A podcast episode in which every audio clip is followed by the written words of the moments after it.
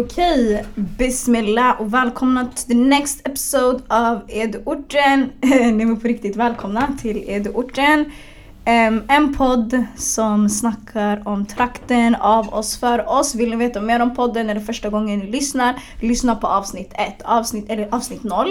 Ehm, det är ett 20 minuters intro, vi går igenom allt den här podden handlar om. Sen kan ni hoppa in och lyssna på vad ni vill, hur ni vill, när ni vill. Eller så fortsätter ni bara lyssna på det här avsnittet för det kommer bli dunder. Ehm, ni hör ingen annan än er programledare Jasmin Naser. Ni hittar oss på våra sociala medieplattformar, vilket är Instagram, Facebook, att uh. Eh, Stavas E-D-U-O-R-T-E-N. Jag försökte bokstavera förra avsnittet, det gick inte bra. Men eh, Edorten, exakt som det låter, ni kan lyssna på oss genom Soundcloud. Och det är genom en, eh, ens Android-lur eller genom datan. Vanligt på så här, internet, Google, strong, whatever. Eller så kan man göra det genom podcasts-appen. Sen finns det flera poddappar, Acast bland annat och väldigt många andra som finns på Android-enheter. Vi finns där. Vi finns överallt förutom Spotify. Och inshallah Spotify, den kommer när den kommer. Sanning faktiskt, jag försökte fixa det men det gick bra sen det försvann och sen, ja, jag vet inte, teknik är inte min grej. Men, men, men, låt oss gå vidare till dagens avsnitt. Um, just det, jag vill introducera och jag kommer avsluta med, om det är någonting, hör av er. Det känns ibland som att fett många känner att det här är en plattform där man bara lyssnar, får ut det man vill få ut och fortsätter med det. Men det är inte riktigt så, utan det handlar också om att det ska vara en connectande plattform. Alla som kommer hit indirekt går med på att om ni behöver något, om ni gillar det ni lyssnar, ni får jättegärna höra av er. Ehm, alla som kommer hit är olika människor. Vissa har historier att berätta, vissa är verksamma, vissa är adi människor. Vill man berömma andra? Vill man ha hjälp av andra? Var det något man hörde man vill ta reda på mer om? Jag taggar alltid dessa personer. Ehm, de flesta finns på sociala medier, de flesta finns att googla ehm, på deras e-mailadresser och så vidare. Hör av er. Det här ska vara en connectande plattform där vi ska kunna växa med varandra, eh, mer eller mindre. Så om ni gillar det ni hör, halla at me. Gör ni inte det, halla ändå. Konstruktiv kritik och, det är det som, och förbättringar, det är alltid det som tar oss eh, någonstans. Men idag, idag, idag har vi, idag walla vi ska snacka om ett fett seriöst ämne så jag kan inte lalla. Men idag eh, så ska vi prata om klassiska ortensag, samma gamla visa eh, som är väldigt vanligt tyvärr i alla våra trakter och det är nedläggningar. Det är väldigt vanligt att man lägger ner verksamheter, det ska vara det ena, det ska vara det andra. Man hör en ny historia varje dag. Så det var en aktuell sak som kom upp nyligen som var väldigt nära en så jag tänkte varför inte hämta det? Vi har haft ett jättelänge, typ så här, ett sporttema och så. Eh, jag vet inte hur vi kommer gå in på det men det, det har i alla fall med verksamheter att göra vilket vi har snackat fett mycket om. Så jag tänkte varför inte hämta folket hit? Så idag så har jag med mig ingen annan än my boy, jag brukar kalla mig Will I am men mitt namn är William. Så välkommen William Shahud från Botkyrka! Applåder! Normalt sett jag brukar ha ett entourage men det finns inte idag. Men jag kan vara ett entourage, det är lugnt. Hur mår du William? Så det var bra tack. Tack så mycket för att jag får vara här också. Det kul, det är en ära faktiskt. Ja, 100 procent, 100 procent. Um, för er som inte känner William, I know William. Uh, jag kommer ihåg, vi har jobbat tillsammans, du har varit min chef back in the days. jag tänkte på våra tider förut jag var skitskämmig walla. Alltså jag hade ingen koll på det jag gjorde men vi hade kul, vi hade fett kul och det var fett kul att ha dig som chef faktiskt. Du lärde mig jättemycket. Ja, jag tror vi skrattade varje gång vi jobbade walla för det var komiskt. Jag vet inte. Jobb i butik, det är inte min grej. Men det var, skit, det var jättebra erfarenhet faktiskt, mm. faktiskt. Jag sitter svart på det. Um, kort intro. William, uh, vem är du? Um, jag brukar alltid säga till folk, börja med namn, um, vilken ålder och vart man bor. Och sen om man gör någonting. Yes, eh, jag kan börja berätta. William heter jag, William Shahud. Eh, jag är 26 år gammal och eh, jag bor i Alby, Botkyrka. Show. Det är södra Stockholm visst? Yes, södra Stockholm. Röda linjen. Röda linjen. Ey, alltså jag har reppat Röda linjen så mycket på den här podden. Folk kommer är alltså vad är det här? Röda linjen podd eller? Exakt. Stämpla den. Nej men um, vad gör du utöver att vara William 26 år från Alby? Mm. Alltså jag jobbar ju i grunden mötesplats. Det är mötesplats för eh, unga vuxna mellan 16 till 22 år. Vi kallar det mötesplats, vissa kallar det fritidsgård men det ska vara mötesplats och eh, jag jobbar där deltid, en, två dagar i veckan. Förutom det jobbar jag även lite lätt i miljonbemanning. Det är ett bemanningsföretag i Botkyrka. De har kontor lite över hela Sverige. Shoutout, mm. shoutout. Jag tror vi har nämnt dem tidigare här. Mm, driftiga grabbar. Så jag jobbar lite med dem. Så lite stöd och match och så vidare. Sen jobbar jag även med eh, Konjaspor.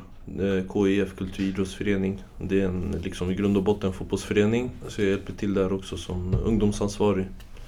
Kollar att alla liksom, lag är anmälda, alla lag har tränare och material och så vidare så att allting rullar på. Jättetung fotbollsturnering faktiskt. Shoutout till dem också. Shoutout till allihopa. Nej, men, sista grejen också, jag håller på att studera till socionom i Stockholms universitet. Så jag är inne på mitt sista år faktiskt. Så ja, det var lite kort om mig.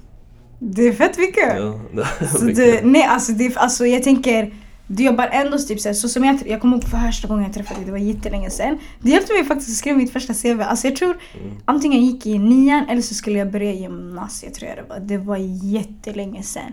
Ehm, och jag kommer ihåg första gången jag såg det och då jobbade du, eller du har ändå haft en roll som jobbcoach-ish. Mm. Det hjälper jättemycket folk med att skriva CV, intervjuer, vad man ska tänka på. Du har lärt mig och i min tur, eller i sin tur, jag har ju kunnat lära eller föra vidare den kunskapen fett mycket. Mm. Och alla jobbar så det har varit på din grund brorsan. För utan de där orden, förstår du, det skulle inte gå. Och det är fett sjukt. Men samma CV så sökte jag till ett jobb där du senare skulle bli min chef. Det där är Mm. också fett Faktiskt. surrealistiskt subhanallah. men Världen det- är liten alltså. Fett liten.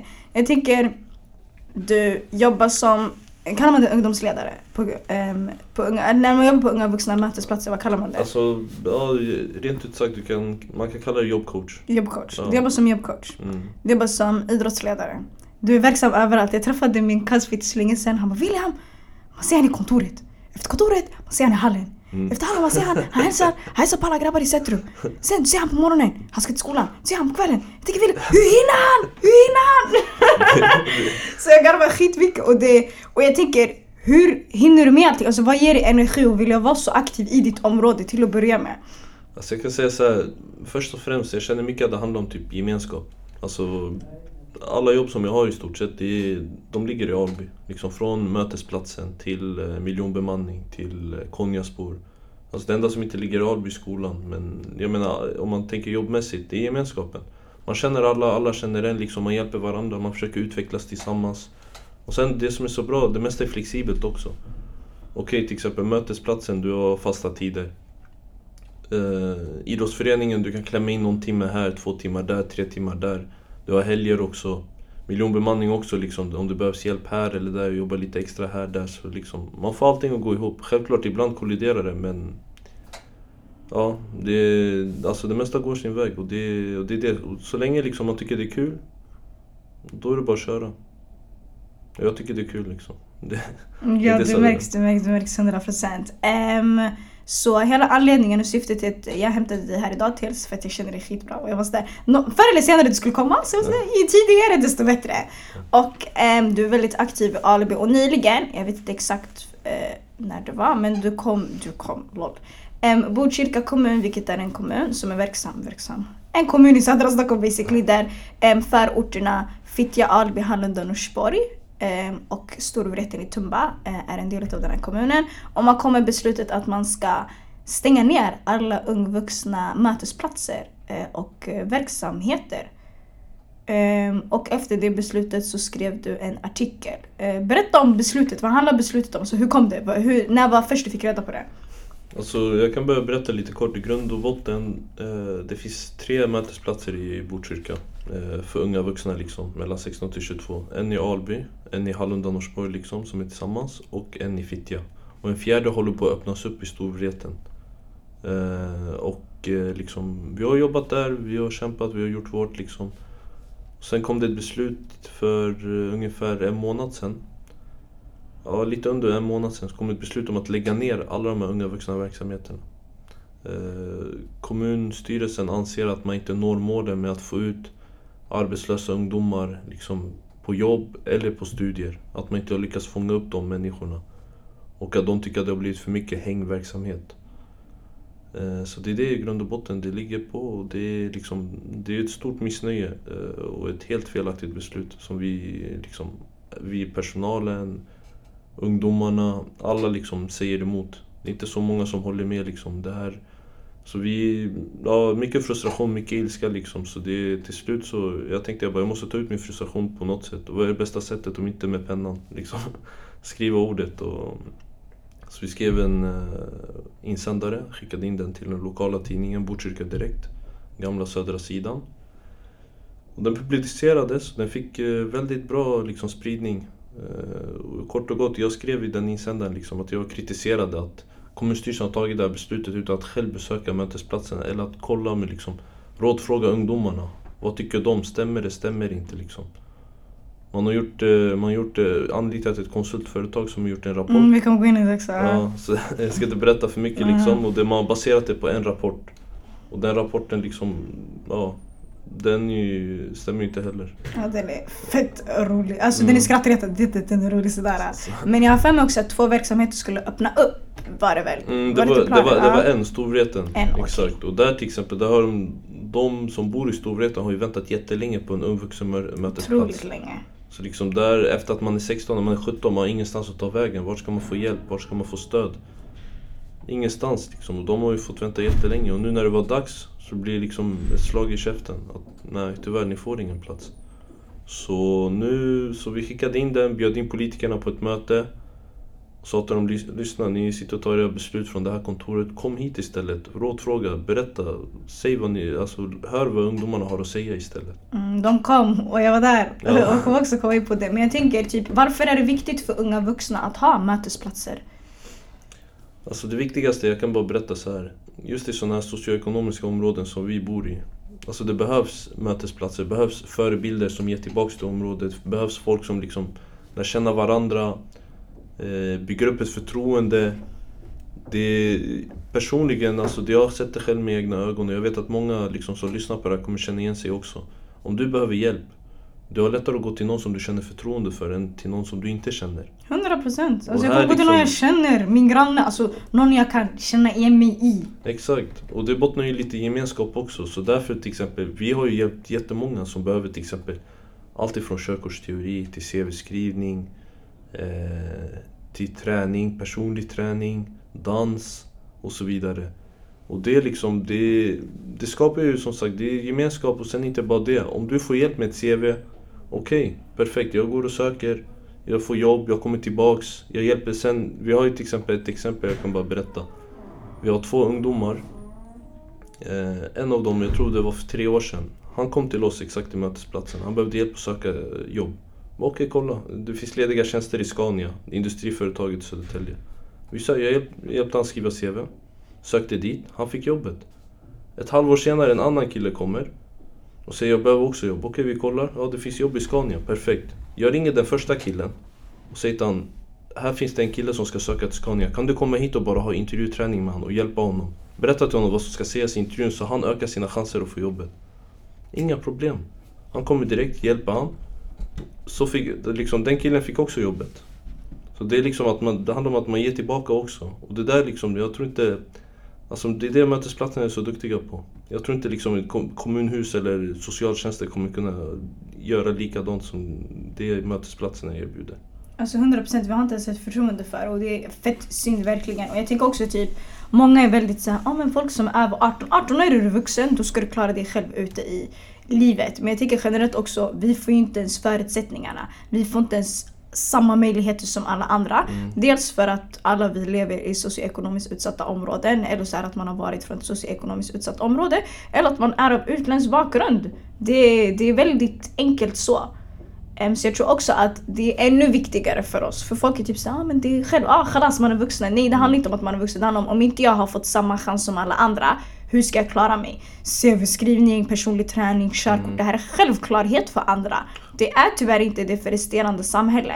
Jag tror det är någonstans vi alla måste inse det för varandra också. För jättemånga, alltså bland oss också kan också ha en jättenegativ syn och såhär, ah, men eh, varför behöver man det? Såklart det behövs brorsan. Vem hjälpte dig? Hjälpte du dig själv eller nej? Det är så. Sen jag kan bara säga så här liksom, de, de flesta växer ju upp liksom, hur ska man säga? Eh, föräldrarna kommer hit till, till Sverige liksom, ingen som har studerat här kanske. Eller så. Sen när barnen växer upp, vem ska de vända sig till när de behöver hjälp att plugga, när de behöver hjälp att Eh, söka jobb, utbilda sig? Automatiskt, de vänder sig till någon de känner. Och det blir liksom, jag, jag kan bara berätta också ett litet kort exempel. Vi har, jag har en kille som är 25 år, som kom till mötesplatsen. Även fast åldersgränsen är 22. Han kom han bara snälla jag behöver hjälp att studera. Jag vill, börja, jag vill bli idrottslärare nu. Det räcker. Jag vill inte jobba längre. Jag kommer jobba resten av mitt liv och börja studera. Enkelt. Organiserade oss. Kolla, det finns det här, gå till det här platsen, du kan få hjälp där, kommunhuset. Han vände sig till kommunhuset, tog typ två, tre veckor till, för honom att få sina betyg. Studievägledare, det droppar in på bara måndagar. 10 till 12 eller 16 till 18. Han jobbar hela dagen, han kan ju inte gå dit. Så jag menar liksom, det är viktigt att den här platsen finns. Inte nog med att liksom, hur ska man säga, öppettiderna är 16 till 21. Alla kontor stänger klockan 16-17. Om man behöver hjälp efter 16-17, om man jobbar och behöver hjälp efter eller har skola. Man ska kunna vända sig dit och få jobb. 100 procent, 100 procent. Eller stu- studera eller vad som helst. Ajde, ehm, så jag tänkte, ehm, du skrev din artikel. Mm. och rubriken, jag älskar rubriken. Den heter Låt inte fikarumssnack, oh my god, oj. Varför hörs det? Så, nu blev det rätt. det står Låt inte fikarumssnack avgöra ungas framtid. Ehm, vad menar du med det? Alltså i grund och botten, jag menar till exempel, det är lite som jag gick in på innan. Man har tagit det här beslutet utan att rådfråga ungdomarna. Eller personalen ens. Liksom man tar, det här är en kommunstyrelse. Man har bara fikat och suttit och diskuterat det. Man har pratat med polisen, man har pratat med det här. Alltså personer som inte har någonting med verksamheten att göra. Och det är liksom, jag nämner i artikeln också, ska polisen få bestämma vilka mötesplatser som ska vara kvar och inte vara kvar? Vad är, vad är det för liksom samhälle? Det är ju inte demokratiskt. 100 procent och jag älskar att du typ såhär går in i, um, jag har ett citat här. Du skriver vi kan hantera utmaningar. Visst finns det utmaningar men det går att hantera. Vi kan göra det tillsammans. Eh, uh, se det som en utsträckt arm ifrån oss trots att ni inte sträcker ut en arm fast att ni borde göra det. Vi som unga vuxna vädjar nu till varje tjänsteman i kommunhuset, ta ert ansvar och låt inte detta ske. Kämpa, era medborgare behöver er. Så jag tror ändå, jag gillar att du på ett sätt i alla fall diskuterar att okej beslutet har inte ens tagits med oss. Och det är väldigt grovt att säga hej vi ska lägga ner allting, hej då. Um, och mycket typ det här att uh, såklart det finns utmaningar. Alltså det är inte som att vi inte kan ta konstruktiv kritik eller förbättringar. Det finns alltid saker att förbättra, det finns alltid saker att komma längre med. Men låt oss då ta det tillsammans. Um, och i artikeln, um, jag tror jag kommer länka den senare, um, i samband med uh, att jag lägger ut det här avsnittet. Um, du bjöd inte ett möte. Um, du förklarade lite innan, men varför kände du okej jag måste bjuda in till ett möte fast man har tagit ett beslut? För tydligen, eller vi kan gå in i det här, det verkar vara ett beslut som man har tagit och det är chalas. Varför kände du ändå okej, jag ska bjuda hit dem? Alltså, jag tänkte så här, i grund och botten som sagt. Okej, även fast beslutet har tagits eller inte tagits, liksom, vi måste ju få träffa de här personerna som står bakom beslutet. De har inte fått träffa oss. De har inte fått höra vad vi har att säga. Och då får vi se liksom. Vågar de komma och ta emot kritiken och få höra liksom vad ungdomarna tycker eller ska de sitta bakom sitt, eh, sitt skrivbord och inte liksom, ta hänsyn till det vi har att säga? Och de kom! Och jag De trodde inte ja, det! ja. Ja, och jag gick på mötet faktiskt. Mötet var nyligen för cirka, när det här avsnittet släpps så var det kanske för två veckor sedan. Um, Okej, du bjöd in dem till ett möte. Vad hände? De kom. Mm, de kom, de gav svar. eh, Mötet eh, var planerat på onsdagen. De gav svar på måndagen att de kommer. Och eh, jag, jag blev faktiskt lite chockad. Mm, det visar ändå att de är tillmötesgående. Men sen 100 så- procent. Och det är det man ska det- vara när man har tagit ett beslut. Mm, så vi fick styra, styra, alltså liksom, vi fick styra upp allting i måndags, tisdags bara styra upp allting och det var jättekul att det var så stor uppslutning av ungdomar, var fett. Lokala människor. Eh, alltså jag tror vi var över 100 pers där. Lätt över 100 pers. Och det, var- alltså liksom, hela lokala området kom. Vi har liksom Centrumföreningen, vi har ska man säga, företagare från Centrum som kom upp som var nyfikna. Vad är det som händer? Andra föreningar i Botkyrka som kom. Det var fullt. Mötesplatserna alltså. kom. Mm. Och olika partier kom också. Liksom, så det, det var riktigt, alltså, riktigt bra uppslutning. Kul att det kom så många också. Eh, kort och gott, liksom, mötet handlade om att ungdomarna skulle få ställa sina frågor och kommunstyrelsen och eh, tjänstemännen skulle få besvara det här. Vad, vad de tycker. Det var ganska många bra synpunkter som eh, sades. Eh, det som var så synd bara, det var att svaren som kom från kommunstyrelsen och tjänstemännen, alltså det var inte konkreta svar. Det var mycket så upprepningar, mm, långa svar som inte hade någon relevans i själva frågan. Några svar var ju, var ju liksom godkända men resten det, Jag håller med dig det var ju 100 procent. bortförklaringar liksom. Om ni vill se hela mötet så liveades det. Sök på Facebook eller sök på Google för er som inte har Facebook, Konja Spor. Första inlägget eller bland de första Eh, inläggen så finns det ja, jag tror live. det är det andra eller tredje nu. Exakt, så scrolla bara ner lite, ni behöver inte scrolla ner så mycket. Ehm, och där finns hela liven. Den är en timme och 17 minuter. Ehm, så kolla på den när ni har tid. Väldigt intressant faktiskt och jag var också där. Um, ah, vad jag tyckte om mötet, jag tyckte det var bra. Jag tyckte det var bra att de kom. Men vet ni, vi kommer också komma in på det. Om man ska lägga ner någonting, alltså till att börja med, när man lägger ner någonting. Det är väldigt grovt att lägga ner någonting och normalt sett när man lägger ner saker så vet man att det finns något annat att öppna upp. Det finns såhär, okej okay, jag ska lägga ner någonting, jag har åtgärder, jag vet vad jag ska göra. Istället för att lägga ner ska jag göra det här, istället för en annan. Det finns, nu de har inga, då vet bara att de vill lägga ner allt och hejdå. Och till att börja med nummer ett, de ligger inte nere akut såhär, oh my god det, det har varit katastrof. Folk har jag vet inte vad, vad som kan ha hänt för att det ska vara kaos men ja, kanske att folk har gått bort där, whatever. Att man lägger ner, nej det är bara så, ah, men vi känner inte att ni är normalen. Och istället för att prata med de som arbetar där konkret, vi kommer också gå in i rapporter. Man har anställt ett företag, yani de kunde inte gå och undersöka det själva. De har, okej, okay, vi vet att affärer, ICA och sånt där, det brukar något som, eh, något som heter mystery shoppers. Och det är att några undercover går. Och jag har inga problem med det. Om man gör det på bra grunder och om man gör det ordentligt i syftet att okej, okay, vi vill verkligen se om det här är bra eller inte. Man har anställt skim Skit i, man har anställt företag i alla fall, bland de bästa i Sverige. Det är ju kul att man vill satsa så som har gått runt och kollat upp det. Rapporten var väldigt speciell och jag tänker bara, de vet inte vad de ska göra. De vet bara, okej okay, vi ska lägga ner det för vi tycker det är för mycket häng. Och vi vill nå ut till varenda en. Och det var också det jag reagerade på. För det var mycket upprepande, vi vill nå ut till varenda en, varenda en. Man kan inte nå alla! Och det är sanningen. Och det är såhär, okej okay, om inte våra verksamheter där vi jobbar når ut till dem, vem ska nå ut till dem? Alltså det, det, alltså det är inte som att någon kommer söka upp någon som sitter i kommunhuset och bara ah, hej hjälp mig. Någonstans som inte mm. ens är nära trakter. Alla de här fina ställena där man tar beslut, de ligger tyvärr inte nära oss, de ligger längre bort. Så jag kände också att det var mycket så att vi ska hjälpa varenda en som om att det inte är tillräckligt. Och det kanske inte är det, man måste också kunna ta emot det. Men jag känner att det fanns inga konkreta åtgärder. Hur ska man lägga ner en så stor verksamhet, eller så stora verksamheter, när man inte konkret vet vad man ska göra? Och då var det så ah, men vi behöver hjälp med att veta, okej, okay, vad ska vi göra istället? Men lägg inte ner det först kanske och sen kan man kolla upp vad är det akut man behöver göra, vad är det akut man inte behöver göra. Jag kan ge ett exempel, jag har nämnt det tidigare i podden tror jag. Bredäng, det har varit jättestort så här, eh, kaos vid biblioteket. Eh, förr i tiden, nu tror jag att det har blivit mycket lugnare. Man la ner biblioteket akut i tre månader för omstruktur. Man tog ju inte bort det. Det vart ett återkommande problem. Mm. Och man stängde aldrig ner permanent. Man sa okej, okay, låt oss stänga ner och låt oss se vad som händer. Jag har för mig att det var samma sak i Upplands Väsby. Det var mycket stök, mycket oväsen. Man sa inte vi ska lägga ner det forever. Man sa vi lägger ner det tills vi hittar en lösning. Och jag känner jättemycket att det är så det ska vara. Um, och uh, jag tänker typ generellt. Vad tror du ungdomsgårdar slash ungdomshus behöver mer för att sånt här inte ska hända?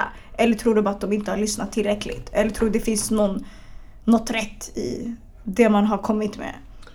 Alltså jag tycker så här, vad som kan behövas mer, jag kan bara, om jag utgår från våran plats. Absolut, 100% liksom, där du jobbar i Almi, ja, grunden, exakt, mötesplatsen. Grunden mötesplats. Om jag utgår därifrån.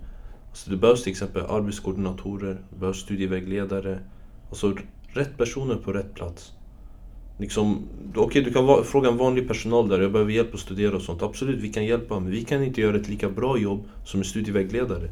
Och för att de här ska ta sig till en studievägledare, nummer ett, att ta sig från Alby till Tumba, bara det är en bussresa på över 20 minuter. Många orkar inte ens. Alltså de har motivationen men de är inte så motiverade att de ska behöva ta sig dit. Man vill oftast, ha, man vill oftast ha hjälpen liksom nära sig. Hämta hit en studievägledare, en dag i veckan. Låt dem få den hjälpen de behöver där liksom. Eh, arbetskoordinatorer, människor som är duktiga, utbildade för att kunna skriva CVn och, och nätverk, kontakter med olika företag för att få ut de här ungdomarna på sysselsättning, på arbete. Hämta dem till mötesplatsen, samma sak där. Och sen det som stör mig liksom bara det här med hängverksamhet. Alltså, jag kan säga så här, av de ungdomarna jag har träffat och liksom, jag kan tänka mig, de som lyssnar på det också har flera vänner som känner igen sig i det här. Oftast om man vill börja jobba eller studera. Det tar tid för en att komma in i själva motivationen. 100%. Man måste komma in liksom, man, man måste få hänga, man måste få vara sig själv en vecka, två veckor. Bara känna att shit okej, okay, jag, vill, jag vill bara slappna av, jag vill försöka ta tag i det här sakta men säkert. Ingen kan fixa ett jobb på en timme eller två timmar. Det tar tid. Det tar tid att motivera en ungdom också. Och liksom en vecka, två veckor, tre veckor. Sen kommer man känna att okej, okay, shit, vad gör jag för något? Jag har bara suttit i tre veckor. Jag har inte gjort ett, alltså, jag har inte gjort ett skit, ursäkta språket. Men jag vill börja jobba, jag vill börja studera. Och genom att få hänga och bara få slappna av och vara sig själv så kommer man själv inse att okej, okay, det här är kanske destruktivt, det jag håller på med. Jag måste göra någonting, jag måste sysselsätta mig själv. Så och det... är inte som att alltså, folk jobbar inte för att de inte vill jobba genuint. Det är för att vi inte får jobb, det är svårt. Så motivationen, det är inte att vi inte vill att den ska vara där. Det är för att den inte finns där av väldigt klara anledningar. Man har blivit väldigt frustrerad och nedsatt väldigt många gånger. Jag snackade tidigare om hela min högstadietid. Din inställning kommer vara väldigt negativ om inte du har bra upplevelser, vilket väldigt många av oss inte har, i väldigt många ställen, till exempel i skolsammanhang, i utbildningssammanhang, i arbetssammanhang. Men man måste ändå fortsätta med sitt liv och det är där vi finns för varandra, tänker jag.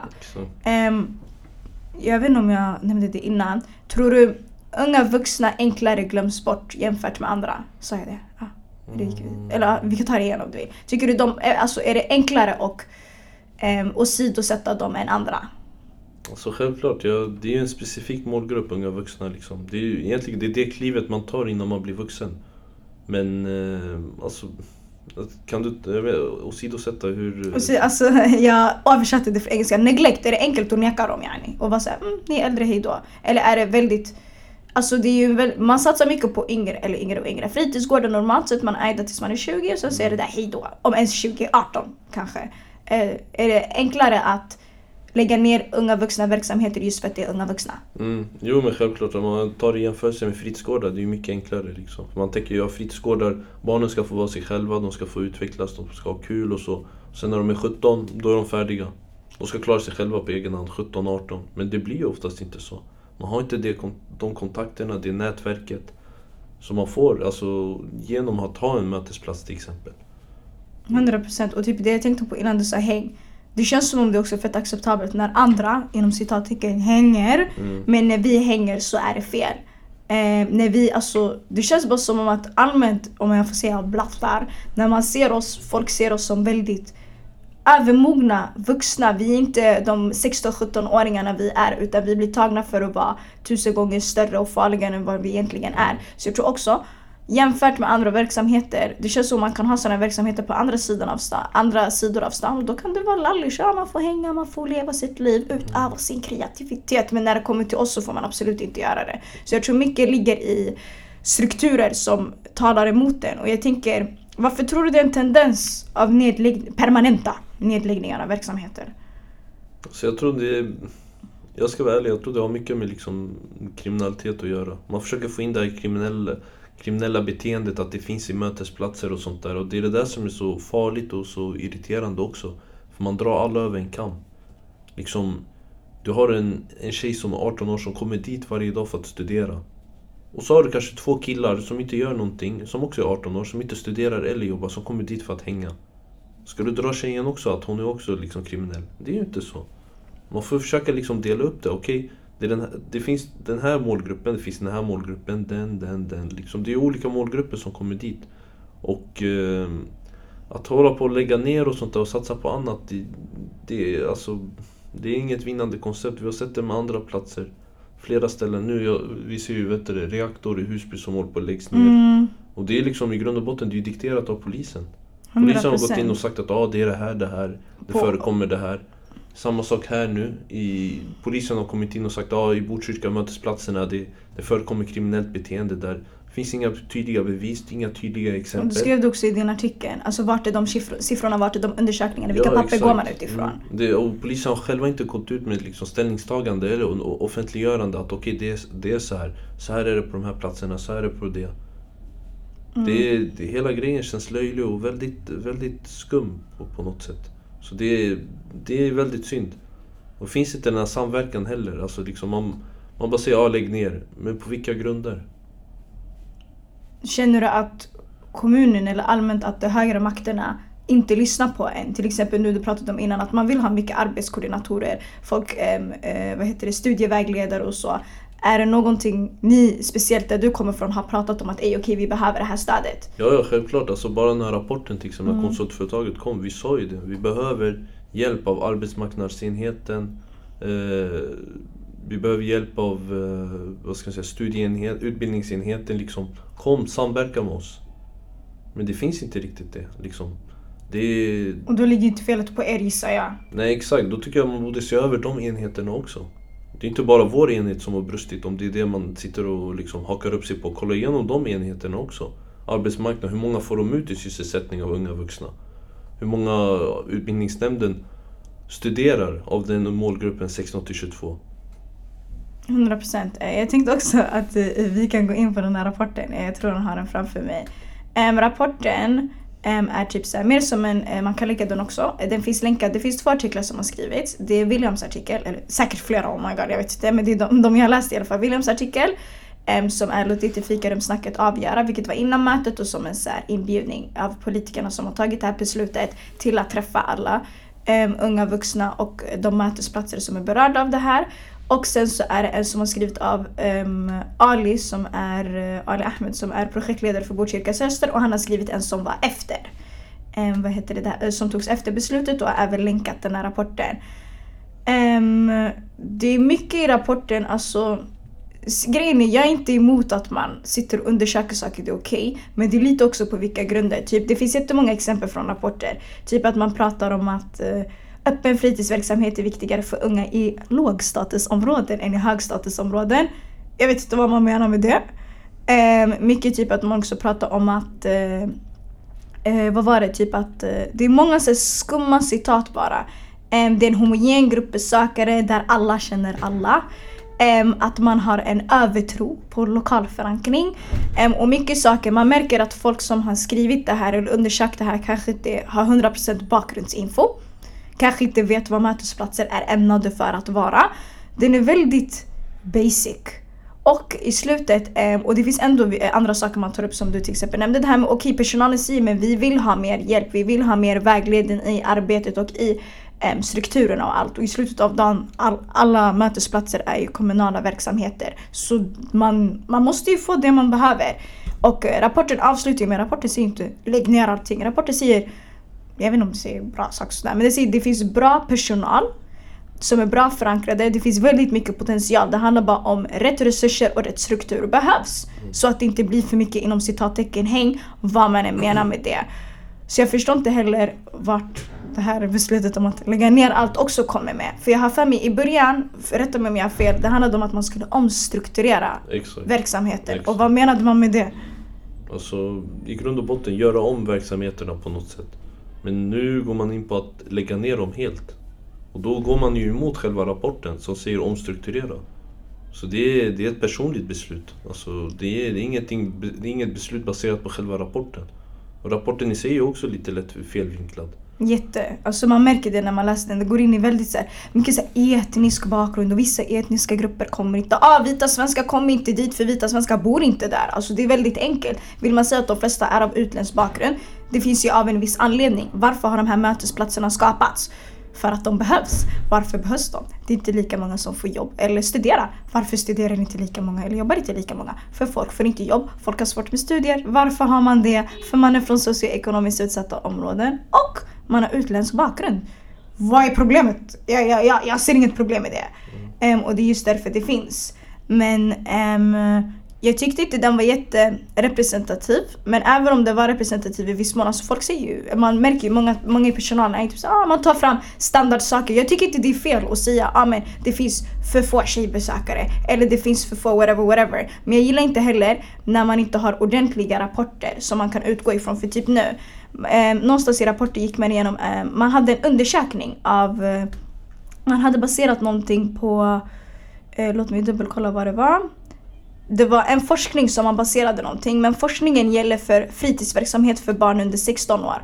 Men rapporten är skriven för folk som är mellan 18 och 22 år. Hur kan man förankra en forskning för yngre till något som är för äldre? Alltså det var bara så skum, skumma saker. Men i slutet av dagen så kom de ju fram till det finns bra potential men det måste struktureras på bättre sätt. Och det är ingen i någon av de här mötesplatserna som har sagt nej. Um, så jag tänker bara, vart, när är det okej att lägga ner? Och när ska man lyssna på andra när det kommer till sånt här? För det, ja, för vissa, vissa obviously de här som sitter i kommunala verksamheter som lägger ner saker, de känner ju att det är fett svårt. Vart går riktlinjen? Så jag tänker typ, alltså att lägga ner överhuvudtaget, det är självklart, är man intresserad av att lägga ner, man måste ju självklart alltså samfråga med, eh, med ungdomarna, med personalen, innan man tar beslutet. Och det är det man har gjort helt felaktigt. Och allmänt liksom, innan man gör någonting, man rådfrågar ju alltid. Man anlitar inte ett externt konsultföretag för att fråga ungdomar, fråga personal. Och det som är så roligt, jag kan bara lägga till, inte för att fastna för mycket på den här rapporten. Den här rapporten baseras på studier, okej? Okay? De har gått till tre olika mötesplatser. På varje mötesplats har de varit där i två timmar. Två timmar av 365 dagars aktivitet. Liksom, det är inte representativt någonstans. Det är helt liksom... Och två timmar, alltså vad... Du kan inte... Två timmars intervjuer. Det går inte, alltså om man ska besöka, om man ska utvärdera någonting måste man utvärdera allt ordentligt. Du kan ju inte bara ta dina stickgrejer och säga hej då. Mm. Det är inte så det funkar. Du kan inte bara gå någonstans. En, en hel vecka liksom. En hel vecka måste man vara där, minst en hel vecka för att få hela bilden. Det är från öppningstid till stäng, äh, stängningstid. Man måste prata med allihopa. Inte en, två, tre styckna och highlighta det en sa och det den var duktig på att prata sa. Utan det måste vara en helhetsbild. Problemet är när man har gjort det här har det inte varit en helhetsbild. Och det känns lite, inte för vansam, men det känns jättemycket som att man inte har velat ha en helhetsbild. Man vill bara ha något material som man kan gå på och bara bam, mm. kolla på den här rapporten. Men det blir, du går ju emot sig själv för rapporten säger inte lägg ner det. Rapporten säger det mm. is, a, is a good thing men man har bara beskrivit det på skumma sätt och sen har man kommit fram till omstrukturera det för det finns mm. tjockt mycket potential. Um, och jag tänker typ också under mötet, om vi går tillbaka till det, jag fastnade fett mycket på att man vet sådär, men vi har, vi har baserat det här på andra saker. Det är inte bara rapporten, för folk gick in i rapporten. De sa nej men vi har pratat med folk, vi, föräldrar, föräldrar, föräldrar. Till att börja med, jag tror det var någon som, ah, det var en tjej som sa hon var skitskön. Föräldrar har aldrig älskat fritidsgårdar och ungdomshus. Och väldigt många andra. Varför? För det finns en stigmatisering. Vad betyder stigmatisering? Det finns en stämpel och en bild av att det bara är häng det är någonting som inte är bra. Men ofta så säger man det utifrån ingenting, det är bara det man tänker på. Jag kan ha en viss bild av någonting, men om inte jag har gått dit, då vet jag inte. Jag kan ta ett jättebra exempel. Förut, jag brukade, brukade, brukade, jag är kvinna, jag är tjej, det känns inte bekvämt att vara överallt. Speciellt någonstans där det bara är män. Okay? Mm. Det är känt för alla kvinnor, det är universellt. Så om inte jag kan något om någon verksamhet så klart jag kommer tycka ah, fett skumt. Så jag hade en vän, hon brukade alltid, ni brukar ha fotbollskvällar, drivingkvällar. Hon bara kom, jag bara så är du dum jag ska komma, jag ska stå med hundra. Det går inte. Jag tyckte, ah, tyckte ah, jag vet inte riktigt vad som hände där, det, det är lugnt, jag kan stanna hemma. Men när man väl ser det så ser du att det hjälper människor på helt andra sätt. Du nämnde Konjaspor idrottsförening tidigare. Jag vet inte om man kan se kriminaliteten men såhär ah, stöket på kvällar har minskat procentuellt otroligt mycket för att man har hållit vissa av de här fotbollskvällarna. För att det för folk med varandra. Inte bara att folk kan lira boll, folk möker upp varandra, folk nätverkar med varandra. Folk kommer från andra sidan stan för att nätverka med andra. Det är stora saker och du inser ju inte det förrän du är en del utav det. Idag, om jag ska plocka min brorsa därifrån, jag går stolt till det, säger vart du vill, jag säger hej vill jag, mm, förstår mm, du? Jag skäms inte för jag vet att det inte är någonting farligt och det handlar om att öppna upp det där sinnet. Och speciellt när man pratar med äldre, när man pratar med föräldrar. Du kan inte lära en gammal hund att sitta. Och det är mycket, mycket, mycket sånt är det också. Vi måste inse att vi lever i en värld då vi upplever väldigt mycket pure rasism och rasistiska strukturer. Vi ser inte varandra på samma sätt, även om vi skyller på varandra. Vi ser inte varandra på vanliga sätt.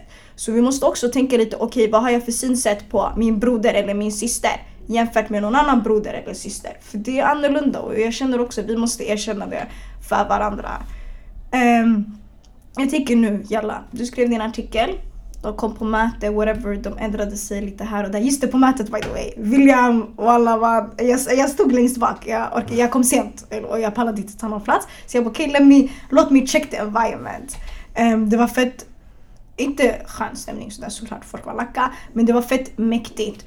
För folk, alla vi vet vad vi pratar om och det känns som om oftast när folk kommer för att prata till oss eller kommer ut till lilla med sin förortssafari whatever. Det känns som folk inte vet Alltså det känns som de typ blev chockade eller blev typ så här, de blev överväldigade för det var mycket alla hade att säga. Um, och jag gillade det du påpekade för det var mycket typ såhär, okej okay, men prata med oss istället. Om man hade den här funderingen, varför tog man inte det med oss? Varför pratar man inte med oss från hela början? Varför behöver man gå och anställa någon och ha ett uh, jättestort projekt kring det när man kunde komma direkt till oss och sen om man inte var nöjd med det får man gå och göra whatever. Um, så jag gillade faktiskt dina invändningar i bakgrunden. Alla var såhär “President, well jag får president, vill ha min broder, eh, vill ha min broder, eh, Hey, vad heter vad heter vill ha?” det, var, det blev lite Worldstar-grejer men på ett bra sätt. Um, verkligen. Men jag tycker, Aide, vad, vad händer nu? Grejen är så här, liksom nu så som vi har förstått det, tydligen beslutet är redan fattat. Inom kommunen, man brukar tydligen, man tar beslut alltså i kommunstyrelsen och sen ifall någon begär typ så här votering eller liknande så skickar man ner det till kommunfullmäktige. Vad är liksom... votering? Att man ska rösta kring det? Ja, eller? exakt. Okay. Så tydligen det här, alltså jag kan bara berätta hur den här korruptionen också har skett. Det här beslutet har, de har haft möte den 26 oktober. 26 oktober? Jag tror det var en torsdag i alla fall. Mm. Det här beslutet har kommit som förslag onsdag kväll. Okej, onsdag kväll skickas förslaget in för att torsdag beslutas. Och de har möte varje månad. Varför har man väntat med det här förslaget mindre än 12 timmar innan? Liksom torsdag morgon klockan 9, onsdag kväll klockan 9 skickar man in förslaget. Nästan 12 timmar. Tre partier avstod från att delta på det här. Med anledning, exakt, med anledning av att man tycker det är nonchalant av kommunstyrelsens ordförande, just hon, Ebba Östlin, att skicka in ett sånt förslag mindre än 12 timmar. Alltså det visar bara hur oseriöst det är. Liksom att man, man bryr sig inte om att, att man säger att man bryr sig om kommunens invånare, det gör man inte. Man skickar in ett förslag mindre än 12 timmar innan det ska beslutas. Det betyder att man försöker få in det här i smyg för att det ska godkännas. Och liksom, så som jag har förstått det nu, tydligen det har beslutats, men nu finns det chans för oss att påverka hur vi ska ha det. Liksom, de går in på att de vill ha schemalagda Eh, verksamheter. Vi har redan schemalagda verksamheter. Inga problem med det. Men liksom, det finns fortfarande inte en plan. Vad händer med huset? Albys hjärta, liksom, det är själva byggnaden där grunden mötesplats. Vad händer med det huset? Kommer det finnas kvar? Ska allt flyttas till Tumba? De, de vill satsa, de vill omfördela resurserna till exempel. De säger att de vill satsa mer pengar på, på uppsökande verksamhet. Och uppsökande verksamhet, det kommer inte hjälpa någonstans. Hur ska man hitta alla de här människorna som inte jobbar eller inte studerar? Ska man börja knacka på dörr hemma hos folk? Och det var det vi sa också, för de var jättemycket såhär, ah, men uppsökande, uppsökande. Och vi sa hur, för alla mm. frågade ju för det återkom ju hela tiden och ingen förstod vad. Man sa, ah, men vi ska, vi ska hitta dem. Vart? De pratade inte ens med mig, varför ska de prata med någon annan? Ingen kommer svara på sin mobil och för övrigt svara om någon knackar på ens dörr. Mm. Så det känns som om, om man pratade med andra så skulle mycket bättre saker komma fram. Och jag hoppas att det var det de insåg när de väl kom för att träffa alla. Mm. För folk hängde kvar, det var som att folk sprang därifrån. Nej, det var aktivt, folk gick fram och frågade och bara men What's up? Mm. Jag kan bara säga så här, till exempel uppsökande. Det är samma sak där, när vi kommer tillbaka till ordet förtroende. Jag har själv sett socialtjänster liksom gå runt i, i Alby centrum och försöka hitta ungdomar som inte jobbar, inte studerar. Ingen vill ju prata med dem, för ingen känner dem. Alltså, det, nu låter det här löjligt, men vi har blivit uppvuxna och inte pratar med främlingar till exempel. Och det är ju nästan samma sak. Ja, socialtjänsten kommer och bara Hej, vad gör du? Nej, jag vill inte prata med dig. Men till exempel om de kommer till mötesplatsen, då lär vi känna dem. Varför inte flytta den uppsökande verksamheten och lägga det på personalen? i själva mötesplatsen. Låta dem jobba på dagtid, gå till skolor, lära känna ungdomar, bygga ett förtroende där. Helt civila kläder. Behöver inte skrika socialtjänsten eller, eller vad det är. Ta, ta på er kläder och stå mötesplats. Bara lär känna ungdomarna. Det där är uppsökande verksamhet. För alla vet, vi har lärt oss sen vi var små. SOS, det är inget bra. Alltså, Som det, ja, det är så exakt. Man, man har ju fått den bilden att SOS inte är bra. Men jag tänker bara liksom Mötesplatsen finns redan. Varför inte utveckla resurserna till att göra uppsökande arbete därifrån? Varför sitta och lägga det på SOS? Och förutom det, jag läste också nyligen, nu vill man spara 10 miljoner på SOS, man vill skära ner pengar. Alltså det, allt det här går, det går inte ihop. Och det var en fett bra kommentar du la faktiskt för att man pratade om att eh, man vill göra nedskärningar, man vill spara, inte spara på resurser, man vill hålla sina, man vill strukturera upp dem bättre. I alla fall, det sparar, i dagen det blir man vill spara sina resurser på bättre sätt. Eller man vill förvara dem på bättre sätt. Och man känner att ha unga vuxna mötesplatser inte hjälper till det. Och vad vi vet, jag tror Botkyrka kommun är bland Sveriges fattigaste kommuner. Ja, ah, jag tror det är facts. Eller det är bland de kommuner som inte har jättemycket pengar. Mm. Och det är en känd grej. Um, så jag kom ihåg på mötet och sa det, du bara ah, men liksom så har beslutet tagits ja eller nej? Hon bara ja. Sen det bara okej. Okay Um, ni pratar väldigt mycket om så här, er budget, det handlar om pengar och fördelning av resurser. Men kommunen gick plus eller i vinst förra året. Och hur kommer det sig att man, om man har gått i vinst nu, vill spara på väldigt mycket? Vad är det då egentligen man vill satsa på? Exakt, och sen det roliga är att man har gått i vinst tre år i rad. Liksom. Ska det behöva gå ut på de unga vuxna? Och typ man, pratar, man påpekar det mycket, ah, men det, det, kriminaliteten blir högre, det är hårdare klimat. Vi alla känner av att det är hårdare Mm. klimat. Det är ingen nyhet. Det är inte som att... Det, jag vet inte, det kändes som att de inte förstod att vi förstod att det är knas. Om det är någon som vet Mm. att det är knas så är det vi som vet att det är knas. Så det var mycket typ såhär, okej men vi måste börja nu. Mm. Det här det har gått för långt, det är för mycket kriminalitet, det är för mycket droger. Det är ingen som nekar till det. Men om man lägger ner det, ja ni ska det minska då eller? Ja, jag, förstår, jag förstod inte logiken i det Nej, heller. För exakt. det, man kan göra saker bättre. Man kan försöka. Man kan försöka göra saker på ett bättre sätt. Men om man bara tar bort allting, vart kommer resten försvinna? Mm, Folk som hade hopp, ska, ska de fortsätta ha hoppet eller? mm, Om man träffade dig i, eh, eh, vad heter det, i ungdomshuset, man kommer ju inte se dig någon annanstans längre. Och då är det sådär, okej vem är det jag ska söka upp nu? Vem är det jag ska göra något, någon, eh, något nu med? Så man måste också prata om förtroende för jag vet också att Albis hjärta, självaste byggnaden, ehm, det var en nationell grej. Kämpade, ni, ockup, ni, ockup, ja, men ni folk ockuperade ett kommunhus för Mm. att säga hej lyssna vi ska ha det vi vill ha. mm. Och de lyckades få en hel byggnad och det var ett föredöme för hela förorts-Sverige. Man tyckte ej de här gjorde sin grej och de fick det. Nu det är ju ett slag mot ansiktet också, ej men vi kommer inte ens få ha kvar det. Då, vad händer med förtroendet då? Förtroendet för den här uppsökande verksamheten, var, var, vart kommer det komma ifrån? Eh, Jag förstår inte riktigt det eh, heller faktiskt. Och det var, oh my god, vi måste typ eh, avrunda. Men en sista grej, du nämnde en fett bra grej under mötet. Var typ att mm, Inför valet, vi pratade också om det. Vi hämtade också en förening som gjorde det, shoutout till dem. 127 röster räknas. Ni hade något som hette Botkyrkas, påminn mig? De här som ville höja Ja, valdeltagandet. höj, höj din röst några ben. Höj din röst Narabe. Som var en grupp på 10 ungdomar som gick runt och ville höja valdeltagandet. Och de gjorde faktiskt det i Alby. Men vad var det? 8% eller vad det var? Ja, 8 procentenheter, exakt. Det är sju enheter, inte procent. Mm. Ja, ni som har läst matte, procent och procentenheter, det är skillnad. Procentenheter är fett mycket. exakt. 8%, ni som kan statistik, ni som inte kan statistik, kolla upp det, det är fett mycket. Mm. Och du nämnde samma personer som röstade på dig, Ebba, och Socialdemokraterna generellt. Ni är ju samma personer som går och tar det här beslutet. Mm. Men det var ju vi som gav er era röster och ert förtroende. Vart kommer den debatten in? exakt. Ni som läser politik, jag läser politik just nu, det finns något som heter folksuveränitetsprincipen. Det betyder att em, vi har gett politiker makten att besluta åt oss. Det vi gör är att vi ger dem förtroende att göra det genom att ge vår röst till dem. Och då är det meningen att de ska sitta och lyssna på oss.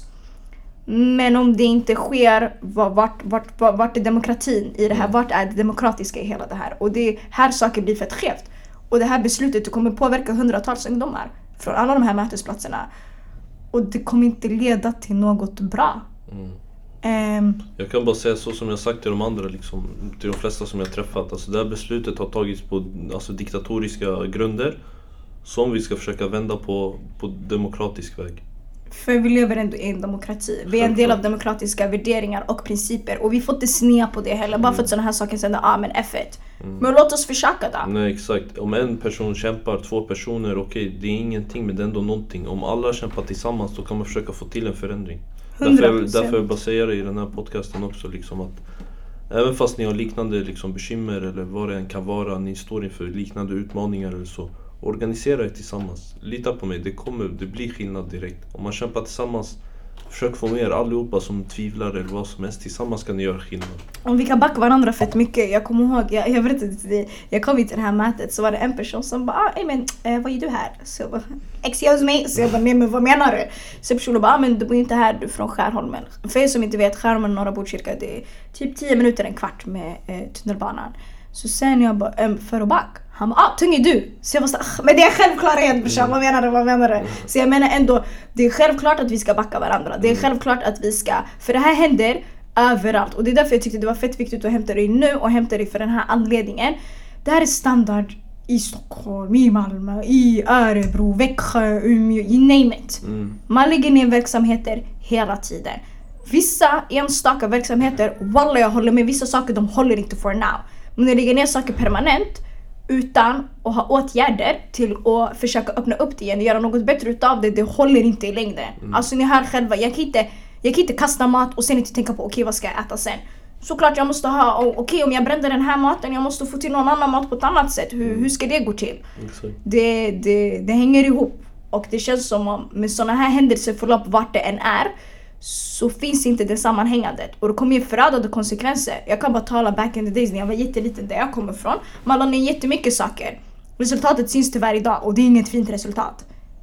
Um, och man blir tjockledsen för man vet hur stor skillnad det är. Det är fett stor skillnad. Det är stor skillnad för mig. Som jag sa innan, det hjälpte med mitt första CV. Du var chef på min första arbetsplats där jag kunde jobba deltid, kombinera med studier, whatever. Du vägledde mig jättemycket. Jag fick jättemycket av det. Första gången jag träffade dig var på en sån mötesplats. Om inte jag träffade jag kanske inte skulle ha ett CV, jag kanske inte skulle ha ett jobb. Alltså, man vet verkligen inte. Tar man till hänsyn av sånt här? Nej. Är de här förebilderna man pratar om, kommer de vara kvar? Nej. De kan komma kvar på andra sätt, men inte så som det ses idag. Så vad vill du gå ut med till politiker, unga som lyssnar, folk som är frustrerade? Alltså det är lite som jag sa innan, liksom, fortsätt organisera er, kämpa för er sak. Det kan vara vad som helst. Liksom. Stå för det ni gör och stå för den ni är också. Och eh, som sagt, det är som du säger, vilken ort som helst. Om vi säger Umeå, Ystad, Malmö, Göteborg, Växjö, Skövde, Norrköping. Liksom alla, alla har sina liksom, problem, alla har sina orsaker. Liksom, stå för det ni är och kämpa tillsammans. Det är, jag menar den här grejen nu till exempel, jag kan bara säga så här. Alltså det sista ordet är inte skrivet. Säg att beslutet har tagits, men nu ska vi forma det till det vi ska ha det till. Liksom. Okej, vi kommer inte få det exakt så som vi vill ha det, men vi ska pressa till att få åtminstone minst hälften, om inte två tredjedelar till det vi ska ha det. jag tänker jättemycket, det är inte okej att trampa på oss eller ta beslut över oss bara för att vi är från socioekonomiskt utsatta områden, bara för att vi är av en viss utländsk bakgrund, av en viss religion. Det är inte okej att se svart på oss bara för att. Och det är ibland som att man testar oss, okej okay, men vad kommer hända nu? Såklart vi inte kommer vara tysta. Så jag tror också det är väldigt viktigt att poängtera att jag spelar roll. Man kanske inte tror att vi spelar roll, man kanske vill få oss att känna att vi inte spelar roll, men vi gör det. Och vi kommer visa det. Och det den här podden handlar om fett mycket. Det är markera oss själva. Vi är här för att stanna, vi ska ingenstans. Om man vill lägga ner saker som nyttjar oss, det funkar inte så. Eh, 100%. Eh, jag vill tacka dig fett mycket för idag. Eh, jag vill tacka sådana som dig, William. Eh, tack så mycket. Guldmänniskor på gud alltså. Man hittar inte sådana här överallt. Och det är fett viktigt att vara förankrad till sådana här människor. Nu om inte du skrev den här artikeln, de kanske inte skulle komma, de kanske inte skulle lyssna, saker kanske inte skulle hända. Och shoutout till alla som, alla från Norra Botkyrkas mötesplatser till att börja med som kämpar med det här dag och natt. Jag såg folk från, ah, från stor, som, jobb, eh, som jobbar inom skolor, som jobbar inom mötesplatser, som var från Norsborg, Hallunda, Storvreta, Fittja, whatever. Det, det finns ett engagemang, det har alltid funnits det, det kommer alltid finnas det. Se verkligen inte ner på det. Eh, ta vara på dem ni har, det är fett viktigt. Ehm, och uppskatta de ni har i er närhet. Utan dem skulle fett mycket inte hända. Och utan oss så kommer fett mycket inte kunna hända. Eh, vi måste hjälpa varandra som jag inledde med i början. Allt handlar om connections, allt handlar om att växa till det bättre. Ett beslut kanske har tagits som du sa, men det är inte över. Och jag älskade att du avslutade eh, mötet tidigare med att okej, okay, vi har hört vad som har att sägas, men det är inte över. Eh, och jag älskade faktiskt att det fanns en sån respekt ändå. Typ såhär, okej, okay, tack för att ni kom. Vi har lyssnat. Nu låt oss göra vår del. Exakt. Uh, ah. Nej, jag, vill bara, jag, kan bara, jag vill bara tacka för att jag fick också komma och berätta lite min del och tack till alla er som lyssnar också. Tack till Jasmin för, för att jag fick komma hit. Eh, det, det får bli bättre. När jag var din chef, nu är det din tur att bli chef över någon annan. Så ah, du får hela tiden få det, få det att gå runt. Walla walla det är så, det är så. Du har lärt mig med de lärdomarna jag kom hit. Ja. 100% jag kommer hämta tillbaks dig eh, för andra roligare syften inshallah. inshallah. Men eh, jag kommer tagga eh, alla mötesplatser, jag kommer tagga eh, grunden i Alby. Tack för att du kom. Mm. Så alltså utbilda er om den här frågan walla, kolla runt om det. Och för alla där ute, walla det är inte över. Folk kanske tror att det är över, saker får oss tro att det är över. Jag ser alltid det här i början och slutet av avsnittet, det handlar om att ha hopp. Det är jättesvårt att ha hopp. Mm. Men när man har tappat hopp, man har tappat allt. Jag sitter alla gå ut och vara världens mest motiverade människa, men ha, ha bara det där lilla kvar i dig. Har det där lilla kvar i dig, man kommer kunna förändra och man kommer kunna göra tjockt mycket bara vi tror på oss själva och tror på varandra. Lyssna på oss, sociala medier, Facebook, jag har redan nämnt vart vi finns, y'all know what it is. Är du orten, det är bara tagga oss genom vår hashtag EDUORTEN. Lyssna, sprid podden till allt och alla ni känner. Tack så mycket William, jag kan inte tacka dig tillräckligt walla! Nej, så tack själv. Ta hand om er, vi hörs. Peace!